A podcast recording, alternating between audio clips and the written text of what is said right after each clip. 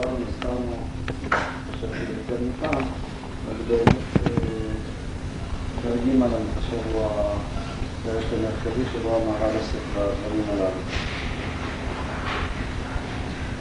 בהתחלה של הפרק, אדם אם מעלת נפשו אלוקית אשר כבר אמרנו כי יש לה נפש אלוקית, לא נמצא בכל כוחות התחתונים, אל יקבל לו מעל עצמו לומר כי יש לו מעלתו האחרונה בפועל, ויחשוב בנפשו שלא נהיה לי אם אני יושב בכלא, שנמצא בכוח, כפי שהמעלה אומר בהמשך, ויוצא לפועל.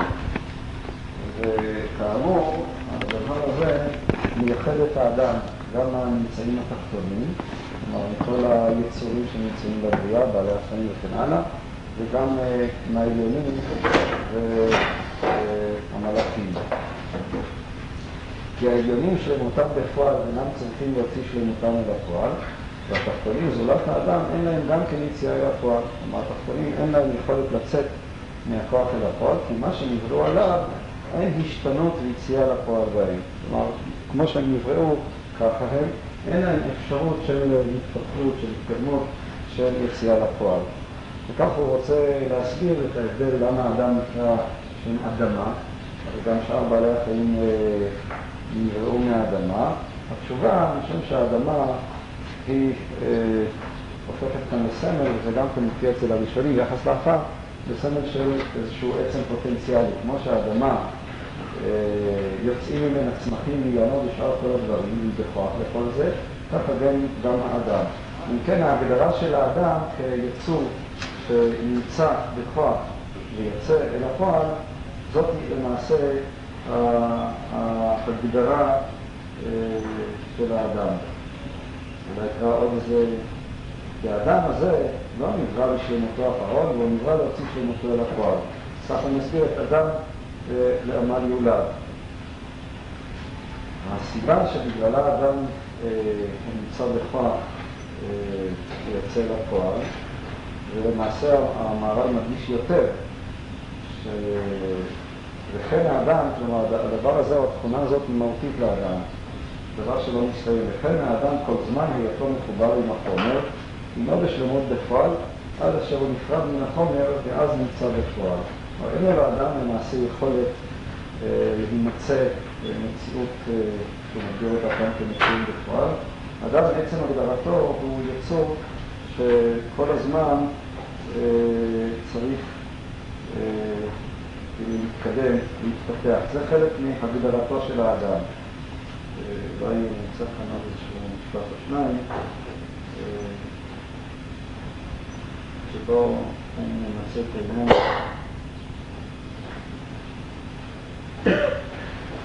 טוב, נסתפק אולי בנושא שלנו כאן, זה חריף יותר. זאת ההגדרה של האדם, כיצור פוטנציאלי, כיצור שהוא בכוח ומעצם הגדרתו, הוא אדם שיוצא מן הכוח אל הפועל. אגב, זאת הגדרה שבאמת מזכירה הגדרות מודרניות, אקסיסטנציאליסטיות, שגם כן מגדירים את האדם כישות שחורגת מעצמה. כלומר, האדם מעצם טבעו הוא לא ישות שנמצאת בתוך עצמה, באיזשהו מצב סטטי, במצב של מנוחה, אלא עצם המבנה הפנימי שלו, הישות שלו, היא ישות של חריגה מעצמו. מה המובן של הדברים? מה המהר"ל מתכוון? אמרתי שהדבר הזה יש לו השלכות מאוד בסיסיות לגבי האופן שבו הוא תופס את התורה ואת המצוות. למעשה, מבחינת אם ננסה לראות את ההקשר שהמהר"ל נמצא בו, לקסיקן. המהר"ל צירף כאן שתי שיטות שנמצאות גם בין הראשונים אחרת ישראל, אבל למעשה הן גם שיטות שקיימות בפילוסופיה הכללית. המונח עצמו, ההגדרות הללו של בכוח ובפועל, הן הגדרות שהמקור שלהן הוא אצל הרמב"ם במורה הנבוכים, שהרמב"ם מדבר על שכל בכוח ושכל בפועל. כן, השכל של האדם הוא שכל בכוח, והוא צריך להוציא את שכלו מן הכוח אל הפועל, להגיע למצב שגם כן רק איזושהי הגדרה אידיאלית, איננה ניתנת למימוש שלם, להיות שכל בפועל. כל המושג הזה של הפוטנציאליות הוא תפיסה של הרמב"ם, והתפיסה הזאת עצמה נמצאת כמובן בשינויים מסוימים אצל אריסטו, תפיסה אריסטוטלית. לעומת זאת, המערב, כפי שעלה בהמשך, משתמש במונחים הללו בצורה שונה מזאת של הרמב"ם. את זה אני אנסה להראות כיום, אם לא בהמשך. בכל זאת, בשיטה הזאת המערב משלב שיטה שנמצאת אצל מחשבת ישראל, למשל אצל רבנו בכי, אלא רק אצלו, ואצל רס"ל, שהיא בעצם שיטה אפלטונית. ההגדרה של הנפש כנפש אלוקית, או כעצם אלוקי, היא הגדרה שלמעשה שייכת, היא הגדרה אחרת, שייכת לצורת חשיבה אחרת. כפי שנראה, יש אפילו איזושהי סתירה מסוימת, ולכן ננסה לנתח את הדברים, שהרי אם אנחנו מגדירים, השיטה הזאת אומרת שהנפש של האדם היא עצם אלוקי, היא ישות אינסופית, נאמר, אלוקית, וכישות אלוקית היא כבר קיימת בשלמותה עוד לפני שהאדם בא לעולם. היא נכנסת לתוך הגוף, אבל היא כשעצמה איננה זקוקה להשלמה. היא כבר הייתה קיימת מראש כשלמות, כאינסופיות. היא נכנסת לתוך הגוף. בעוד שבתפיסה הזאת, בתפיסה השנייה האריסטוטלית למעשה, אין שלמות. השלמות היא לא דבר שנמצא מראש. השכל בפועל שהיא שלמותו של האדם הוא דבר שצריך לייצר אותו. הוא לא דבר שהיה קיים, אלא האדם יכול באמצעות עבודתו, עבודה שהרמב"ם מפריע את הדרכים ואת אופייה של אותה עבודה, הוא יכול לייצר את השלמות, להיות שכל בפועל. אבל השלמות הזאת היא עדיין לא הייתה קיימת. זה שייך להרבה דברים, אבל זה גם כן מבחינה זאת, דווקא זה דומה אולי לתפיסה מודרנית, שמבחינות מסוימות האדם הוא איזושהי חירות, הוא יכול ליצור מעצמו, יש לו את האופציה ליצור מעצמו מציאות אינסופית, מציאות אפילו נצחית, אבל זה לא דבר שעדיין היה קיים מראש. מטבע הדברים, בדרך כלל, התפיסה, נאמר, בתפיסה הדתית, השיטה או ההשקפה הזאת היא יותר נוחה. משום שאם אנחנו תופסים את הנפש האלוקית כאיזו עצמות אינסופית נתונה מראש, הדבר הזה, למשל בשאלות כמו הישארות הנפש וכן הלאה, הוא הרבה יותר קל מאשר התפיסה הזאת שאומרת שבעצם אין לו לאדם את המציאות הנצחית כמציאות נתונה מראש. בבקשה. אתה מדבר ככה, כתוב מרחוק השם נראה לי, אבל זה... אם היא מושלמת כל כך, מה זה עוזר לה שהיא... עם מה? מה הקשר שלה לגוף, אם היא שלמה מעצמה? אז זה חלק מהדיון שלנו, תכף נדבר על זה. לפני כן אני רוצה לתאר בצורה... כן. לכאורה נראה שלא מדבר על השכל, הוא מדבר על הנפש. אחד ההבדלים, אני מסכים, אחד ההבדלים בין התפיסה של הרמב"ם, יש מספר הבדלים. הבדל אחד אני אמרתי, שבעוד שהרמב"ם לא מדבר על נפש אלוקית נתונה מראש, מושלמת ומוגמרת, הוא מדבר על איזושהי מציאות שכמו שאמרתי אפשר להפוך אותה לאלוקית או לשכל בפועל. הבדל נוסף שבאמת הבדל שהמהר"ל גם אותו הזכרנו, אני לא יודע מי היה בשיעורים הקודמים ומי לא היה, שהרמב"ם מזהה את העצמות עם השכל. בעוד שהמהר"ל בפרק י', למשל כדוגמה אחת, חולק עליו, העצמות איננה השכל, העצמות של האדם היא עצמות על-שכלית, שלמעשה גם אי אפשר להבין ולהגדיר אותה, משום שהשכל לא יכול להבין דברים שהם נמצאים באיזשהו מישור מעליו. גם, גם בזה נעסוק בהמשך, אבל אני רוצה לפני כן קצת לתאר, אני פשוט... דיברנו על הדברים, אני לא יודע אם היה, אם לא היה, אני אחזור ככה בקיצור על המושג של שכל בכוח ובפועל אצל הרמב"ם, ואחר כך אני אעבור לאופן שבו המהר"ל תופס את הדברים.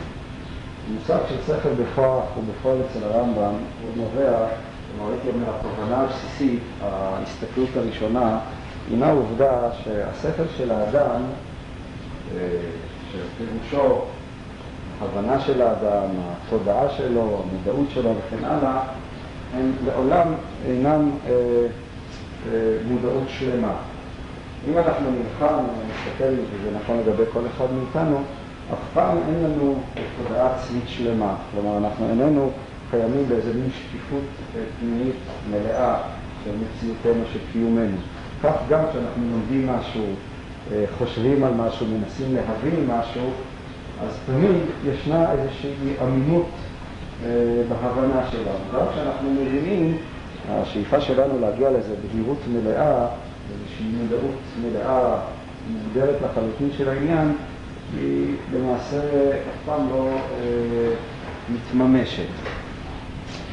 אה, המונח שכל, שכבר הזכרנו שאצל הרמב"ם בעצם יש לו מובן הרבה יותר רחב ממה שאנחנו היום קוראים שכל.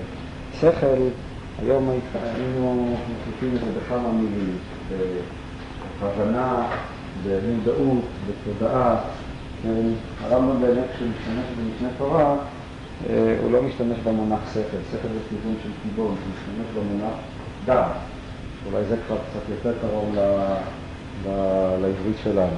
מכל מקום, אה, אין, אין לו לך, אם הדוגמה נאמר הפשוטה, הראשונה זה התודעה עצמית, אין לו לאדם אף פעם תודעה עצמית מלאה, במובן שיש איזושהי ידיעה אה, בהירה ומושלמת של מציאותי.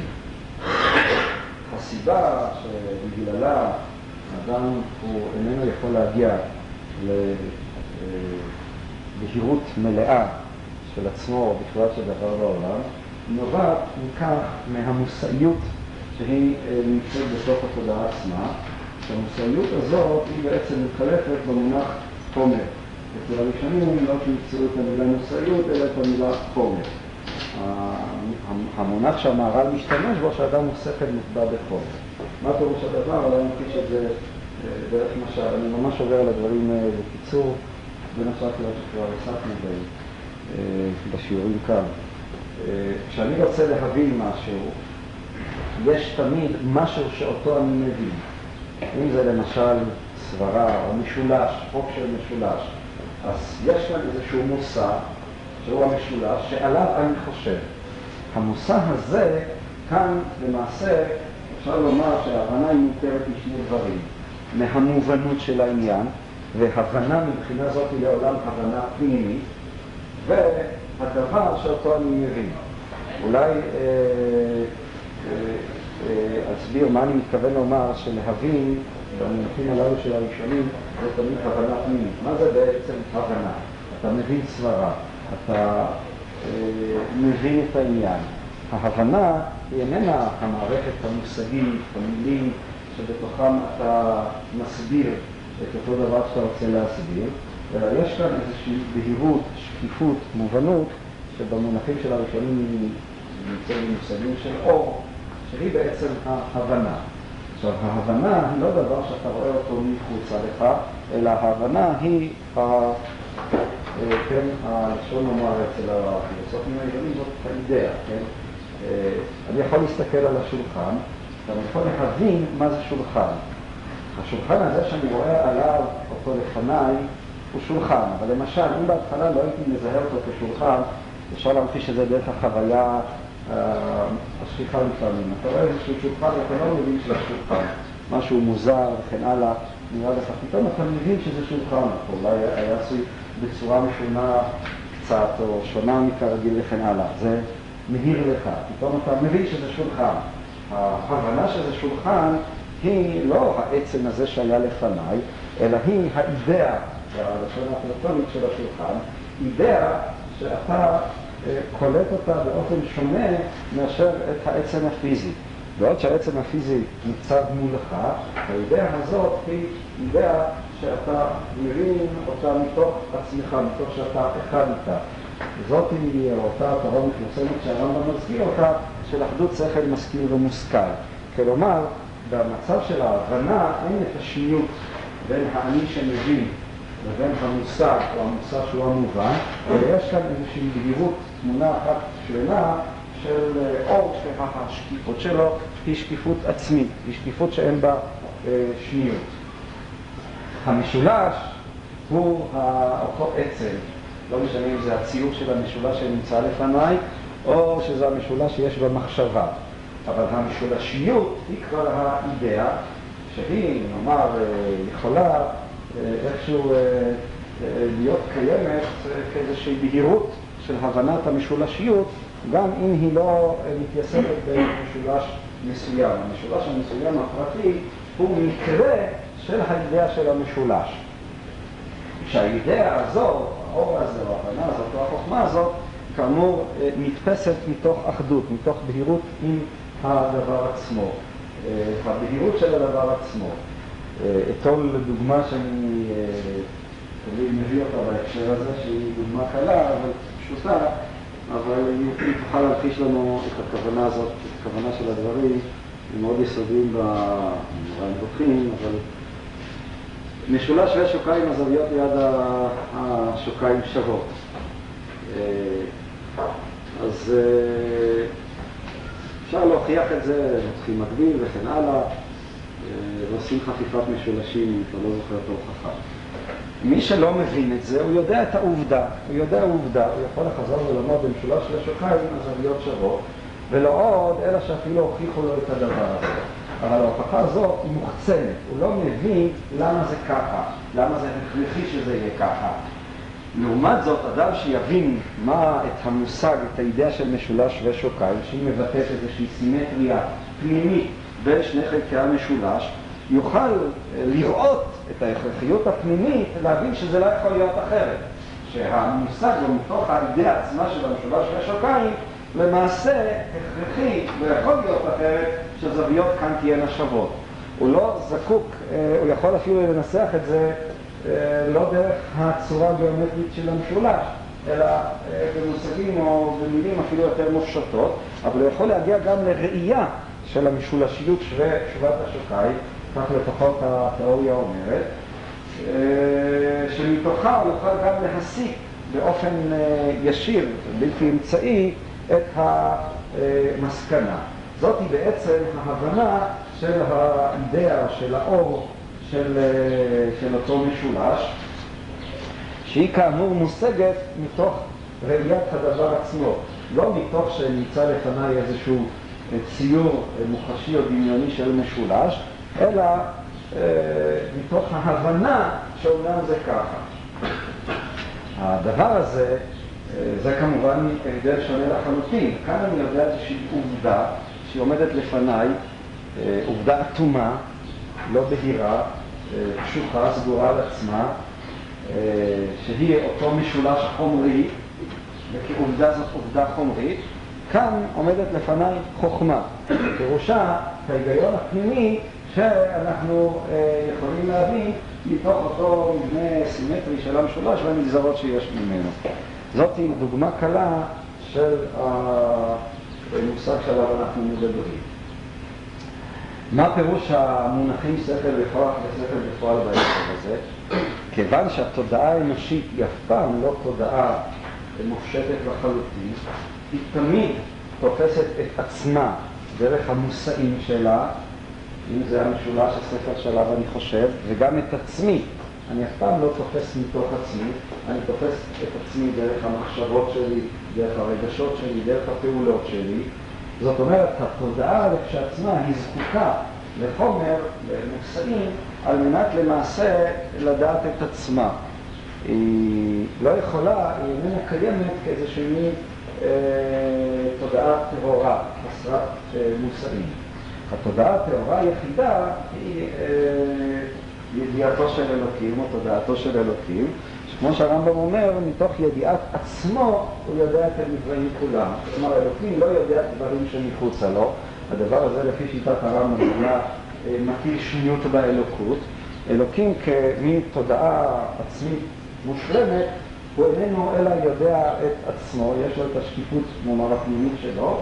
השקיפות הזאת, או מתוך השקיפות הזאת, באופן שבאמת טעון הסבר, הוא גם יודע את הנמצאים שמחוצה לו. אבל אין בו שום מוחצנות, בעוד שאצלנו, אפילו בקיום הפנימי ביותר, הוא תמיד קיום שיש בו איזה צד מוחצן, של משהו שנמצא מול. שכל בפועל, אם כן פירושו, את אותה, אותו שכל שהוא איננו אה, שהוא אה, מונהר לעצמו לחלוטין, שהוא יודע את עצמו לגמרי, שאין בו אה, שום שניות, שהוא יודע את עצמו בידיעה שלמה לחלוטין, הוא שכל בפועל, בניגוד לשכל בכוח, שהוא השכל האנושי. השכל האנושי, שהוא כאמור תמיד, למה, אולי גם כאן, אה, טעון- למה משתמשים כאן במונח בכוח ולא בפועל? מה ההבדל כאן? למה זה מוגדר כשכל בכוח?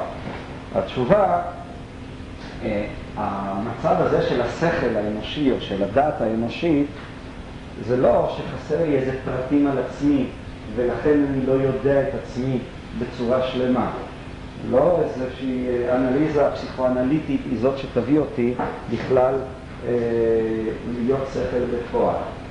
אה, הסיבה היא נעוצה בעצם המבנה הפנימי של השכל או של הדעת האנושית, שהוא כאמור, יש בה תמיד חומר, יש בה תמיד משהו שעומד מולה.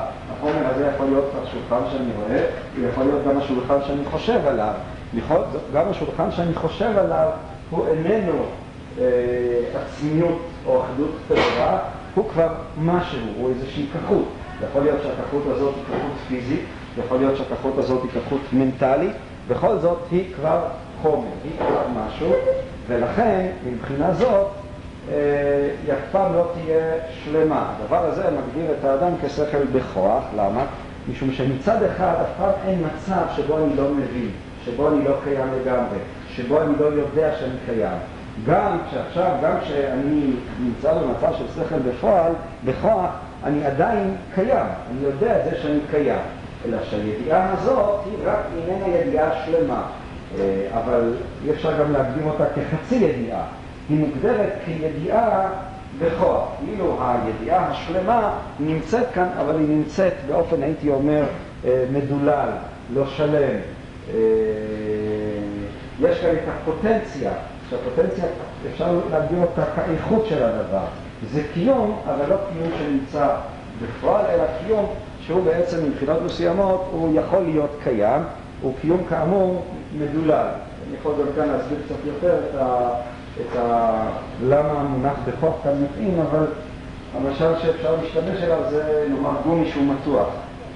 אז לפי אריסטו המנוחה של הגומי, שזה המצב שהוא כבר לא מתוח, שהוא רפוי, נמצאת במתח בכוח.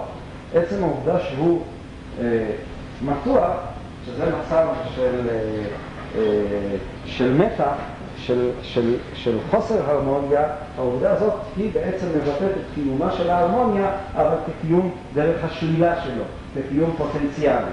השכל של האדם, שהוא גם מגדיר את העצמות של האדם, נמצא, אנחנו בדרך כלל קיימים, הייתי אומר, חצי מנומנמים.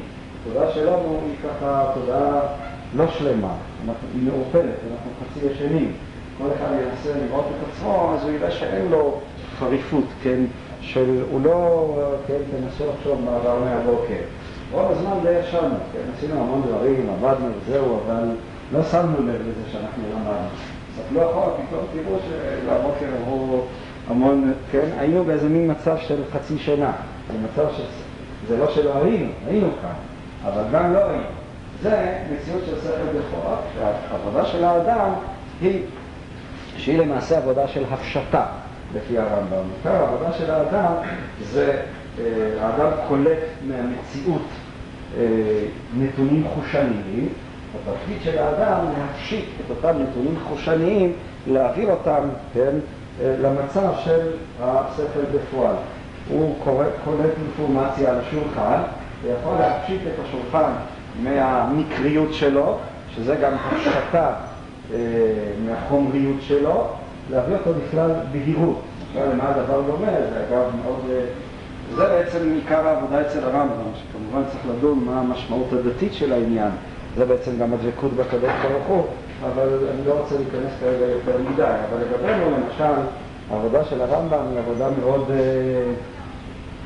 אפשרית מהרבה בחינות, משום שכיוון שאנחנו בישיבה עסוקים רוב הזמן בלימוד, אז באמת אה, הלימוד הוא, הוא יכול להיות גם בהקשר הזה חלק מהעבודה. מתכוון לומר למשל, אה, כשאדם לומד, כן, הוא אמר משהו לחבר שלו. הוא צריך להביא את עצמו, לרוב זה לא יכול להיעשות יחד עם הלימוד עצמו, אבל לשאול את עצמו כל מיני שאלות, מה בעצם היה קשה לי? אני כשהייתי קושייה, לנסות להביא בכלל מודעות, מה בעצם היה קשה לי? מה היה קשה בקושייה? הוא תירץ תירוץ, הוא התווכח עם החבר שלו. לרוב אנחנו נמצאים במישור של הדיבור. הוא עונה, אני מתרץ, אנחנו מתווכחים, אני שומע מה שהרם אומר וכן הלאה. אני יכול לנסות לתת לעצמי דין לחשבון מה בעצם קרה כאן, מה הוא חידש, איך הוא הבין, למה הוא הבין. השאלות הללו הן מעבירות את אותה ידיעה, את אותה הבנה למישור אחר, למישור של מודעות, למישור של איזושהי אה, שקיפות או אור מסוים שאני יכול לדעת מה בעצם נאמר כאן, כן? נאמרו כאן כל מיני רעיונות, עכשיו בשיעור אנחנו יושבים, נאמרו כאן כל מיני רעיונות, אני יכול לנסות איכשהו להנהיר לעצמי, להביא בכלל איזושהי מודעות מה הדברים שנאמרו כאן, להעביר את זה מהמישור של המיני, שהוא מישור חומרי, למישור של האור ושל הבהירות של הדברים. הדבר הזה אני אומר בדו-שיח שבין החברותא, אז הרוב מפריע. אדם שהוא מיומן יכול לעשות את זה בבת אחת. אבל אה, מי שלא מיומן, זה, אני חושב שזאת עבודה שיש לה חשיבות גם מבחינת הלימוד. כלומר, אתה צריך למעשה להגדיר לעצמך את מה שאתה רצית להגיד, את מה שנאמר לך. ההגדרה הזאת זה לא עוד מילים שאתה מוסיף, אלא היא העברת אה, האינפורמציה למישור אחר, לאיזושהי צורה של אה, מודעות או הנהרה של הדברים. בבקשה. אה, המישור הזה של הכרת הדברים וההבנה הוא רק במישור של, ה... של ההבנה השכלית, כלומר יש, יש איזשהו דבר שאני מנסה להבין מה המשמעות שלו, מה הוא אומר, או שזה גם מגיע למישור היותר יותר הפנימי שלי, כלומר איך אני, איך אני מזדהה עם הדבר הזה, אה, מה אני מרגיש לגביו, אה, מה, מה זה אומר לגביי, כלומר השאלה אם ההכרה צריכה להישאר במישור הזה של ההבנה, של הכרת העניין, אפילו, אפילו גם כמו שהרב אומר, לאור, ה, לאור ההבנה מה המשמעות של הדברים, או שגם זה מגיע להכרה שלי, כלומר ההשתתפות העצמית שלי. כאן בין המושג פנימי כאן שונה. בדרך כלל אנחנו כשאנחנו מדברים על פנימי, אנחנו מדברים במובן הקיומי, שזה אומר לי משהו, שאני חווה את זה, וכן הלאה וכן הלאה. העבודה הזאת של הרמב"ם היא לא מכוונת למישור הזה של פנימי, היא מכוונת למישור אחר, שיש בו את הכוח אה, לא פחות מהמישור של ההשתתפות הקיומית. זה מכוון כלפי מודעות, אני לא יודע אם כמה התנסיתם, יש לפעמים ככה חוויות כאלה של מודעות בכל מיני מצבים, וזה יכול להיות אפילו סתם, אדם הולך ברחוב ופתאום הוא, כן, כאילו איזה צעיף אה, נפשל, והוא חש את המציאות בצורה מאוד שקופה. יש לו מוחים בגדלות, זה יכול להיות גם באיזה בהירות של סברה, איזה מין אה, וכן הלאה.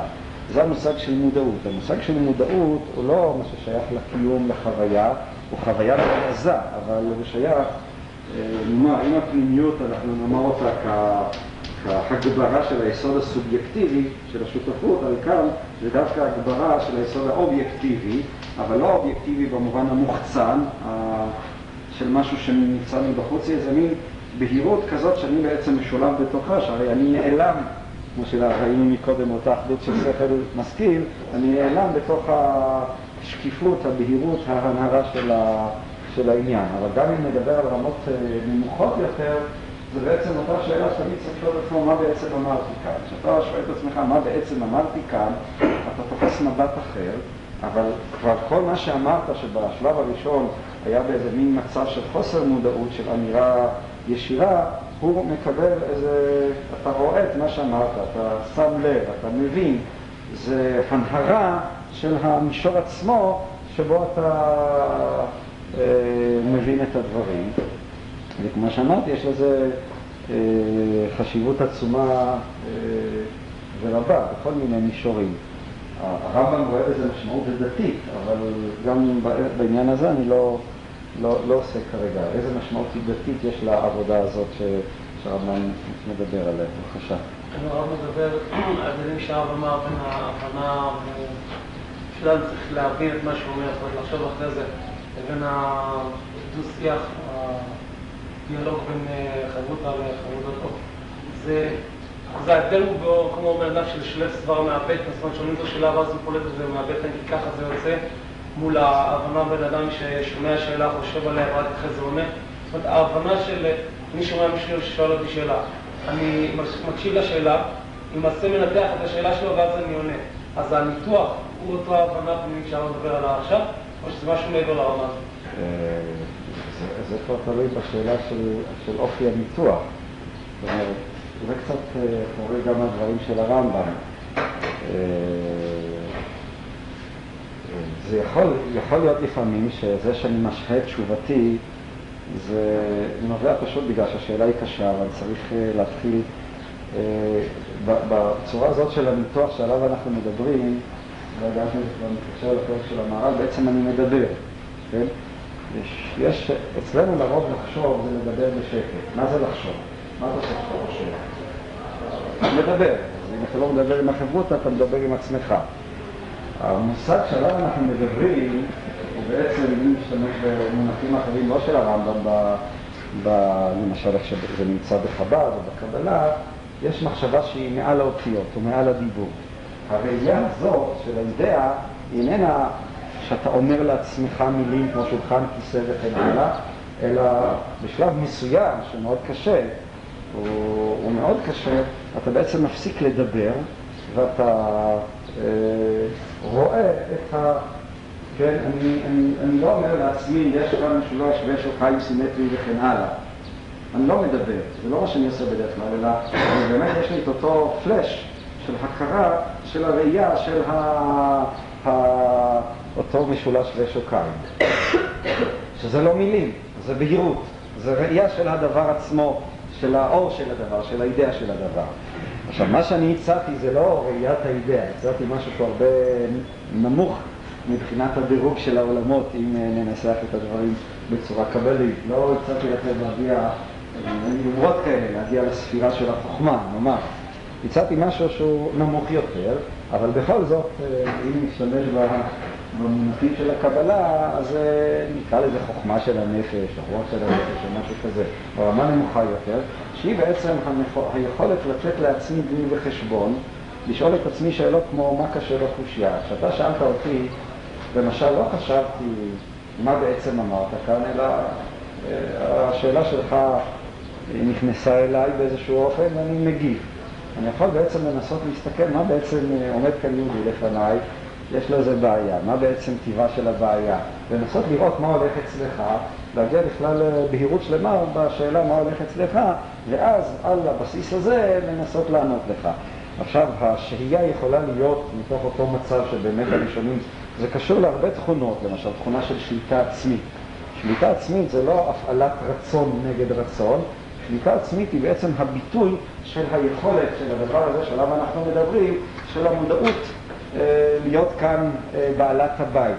זה לא אינוס, או זה מין כפייה אנטי כפייה, כוח נגד כוח, אלא האדם, כן, ולכן השליטה העצמית היא מאוד קשורה למצב של החוכמה, כמו שהרמב"ם מתאר את זה בהרבה הרבה פעמים. אדם שהוא חכם הוא אדם, אדם שהוא בעל מודעות, הוא גם בעל שליטה עצמית, משום שעצם ה- הבהירות הזאת, האור הזה שפולש פנימה לתוך הרגשות שלו, זה מה שמביא אותו לכלל איזושהי הרמוניה, לכלל איזון פנימי, לכלל שקט פנימי, לכלל מצב כזה שהוא לא פועל אה, אה, באופן אה, אינסטינקטיבי. זה מכל מקום התפיסה של הרמב"ם ביחס לשכל בכוח והשכל בפועל. אני אסיים אולי בהערה אחת, אה, שיעור קצר, אבל אה, אני יכול לעשות. איך המהר"ל מדבר על הדברים? גם המהר"ל משתמש באותם מונחים של בכוח ובפועל, הוא לא מייחס אותם לשכל. אצל המהר"ל הדבר נובע מתוך העובדה שהאדם כישות, כנפש אלוקית שנמצאת בתוך הגוף, והגוף כאן אה, משמעותו לא רק הגוף הפיזי, אלא גם הרגשות, גם המחשבות הם גוף, מבחינה זאת שיש כאן דברים שאני חושב עליהם, מושאים חומרים וכן הלאה.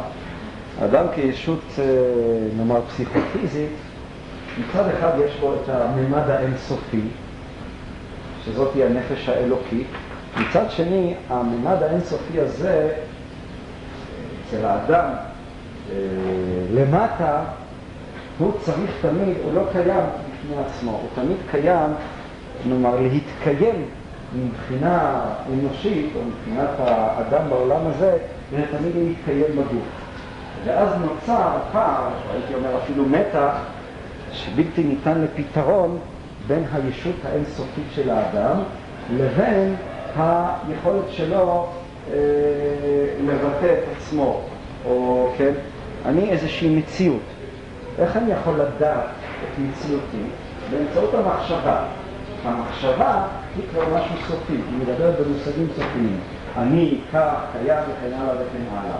אבל העצמיות שלי כמציאות אינסופית אף פעם לא תצליח להגיע לכלל ביטוי מלא ושלם בתוך המציאות החומרית, בתוך המציאות הסופית. ולכן האדם מצד אחד מוגדר כאן, זה שוב עוד נוסחה מקורית של המערב, המהר"ל מגדיר את האדם כחי מדבר. למה הוא מגדיר את האדם כחי מדבר? משום שמה שמאפיין את האדם בניגוד לרמב"ם, שמגדיר את האדם כשכל, כתודעה, הרי למעשה המהר"ל מגדיר את האדם כדיבור. דיבור, אה, פירושו, בדיבור יש איזושהי סינתזה, צירוף בין המובנות לבין המילים. אני מבין משהו ואני עכשיו רוצה להסביר לכם את המילים. המילים הללו הם צירוף של ההבנה, שהיא אותו אור, אבל הבנה מופשטת לאדם, של. ששרוי בחומר, לאדם האנושי אין. לכן, האדם מבחינה זאת, מה שמאפיין אותו זה הדיבור. מבחינה הזאת יש כאן איזושהי הכחשה של האדם במצבו האנושי כיכול נאמר, לחשוב בלי מילים. כל היכולת של האדם זה לחשוב עם מילים. אבל העובדה הזאת יוצרת את אותו מתח, אז זה מתחיל יותר את הדיבור, שבין שני הכתבים. מצד אחד יש לו לאדם את המציאות האינסופית, שזאת היא נפשו האלוקית, עליה צריך להגדיר לעצמנו מה הכוונות של הדברים. מצד שני, כיצור שחי בעולם, שמדבר, שמרגיש, וזהו אופן קיומו היחידי בעולם, הוא תמיד לחוץ בתוך אותם... אה, כלים סופיים שיש לו, והתפקיד של האדם למעשה לצאת לפועל, זה המובן הראשון, וזה האופי שבו המהר"ל משתמש באופן מסוים, הפוך מהאופן של הרמב"ם. לצאת לפועל פירושו להביא את אותה נפש אלוקית אינסופית בכלל ביטוי. הבנתי משהו, עכשיו אני רוצה להסביר לך. אז לפעמים קשה לי להסביר, אני מחפש עוד מילים, מונחים יותר וכן הלאה. ההבנה דוחפת כאן ומנסה איכשהו למצוא לעצמה את הכלים הלשוניים כדי לבטא את עצמה, שלאט לאט מרחיבה את אותם כלים לשוניים, מגמישה אותם, עד שבאמת אני ארגיש שביעות רצון בכך שאני ביטאתי את עצמי. אבל למעשה, כיוון שהנפש היא אלוקית, כיוון שהאדם הוא ישות אינסופית, אז לעולם הוא יצא לפועל, שהיציאה לפועל כאן פירושה עשיית מעשים, חשיבת מחשבות דווקא בתחום החומרי, שצורך אה, אה, לצאת לפועל הוא צורך שלא נגמר, הוא גם לא יכול להיגמר כל זמן שהאדם נמצא בחומר. יש לו לאדם, הייתי אומר, האדם הוא כאילו, הנפש האינסופית נזרעה בתוך העולם, עכשיו כשהיא נזרעה בתוך העולם, היא מנסה את העולם החומרי לאט לאט לזכך אותו. זה בעצם הביטוי הרווח אצל המהר"ל בפרקים הראשונים, שהמצוות תפקידן לזכך הזיכוך הזה פירושו לזכך את הכלים, להפוך את הכלים החומריים, את השפה וכן הלאה ליותר ויותר אה, אה, יכולה אה, להכיל את המציאות האינסופית. בתוך העניין הזה אה, נכנס כאמור ההסבר של המראה ביחס למצוות. טוב, נסיים כאן.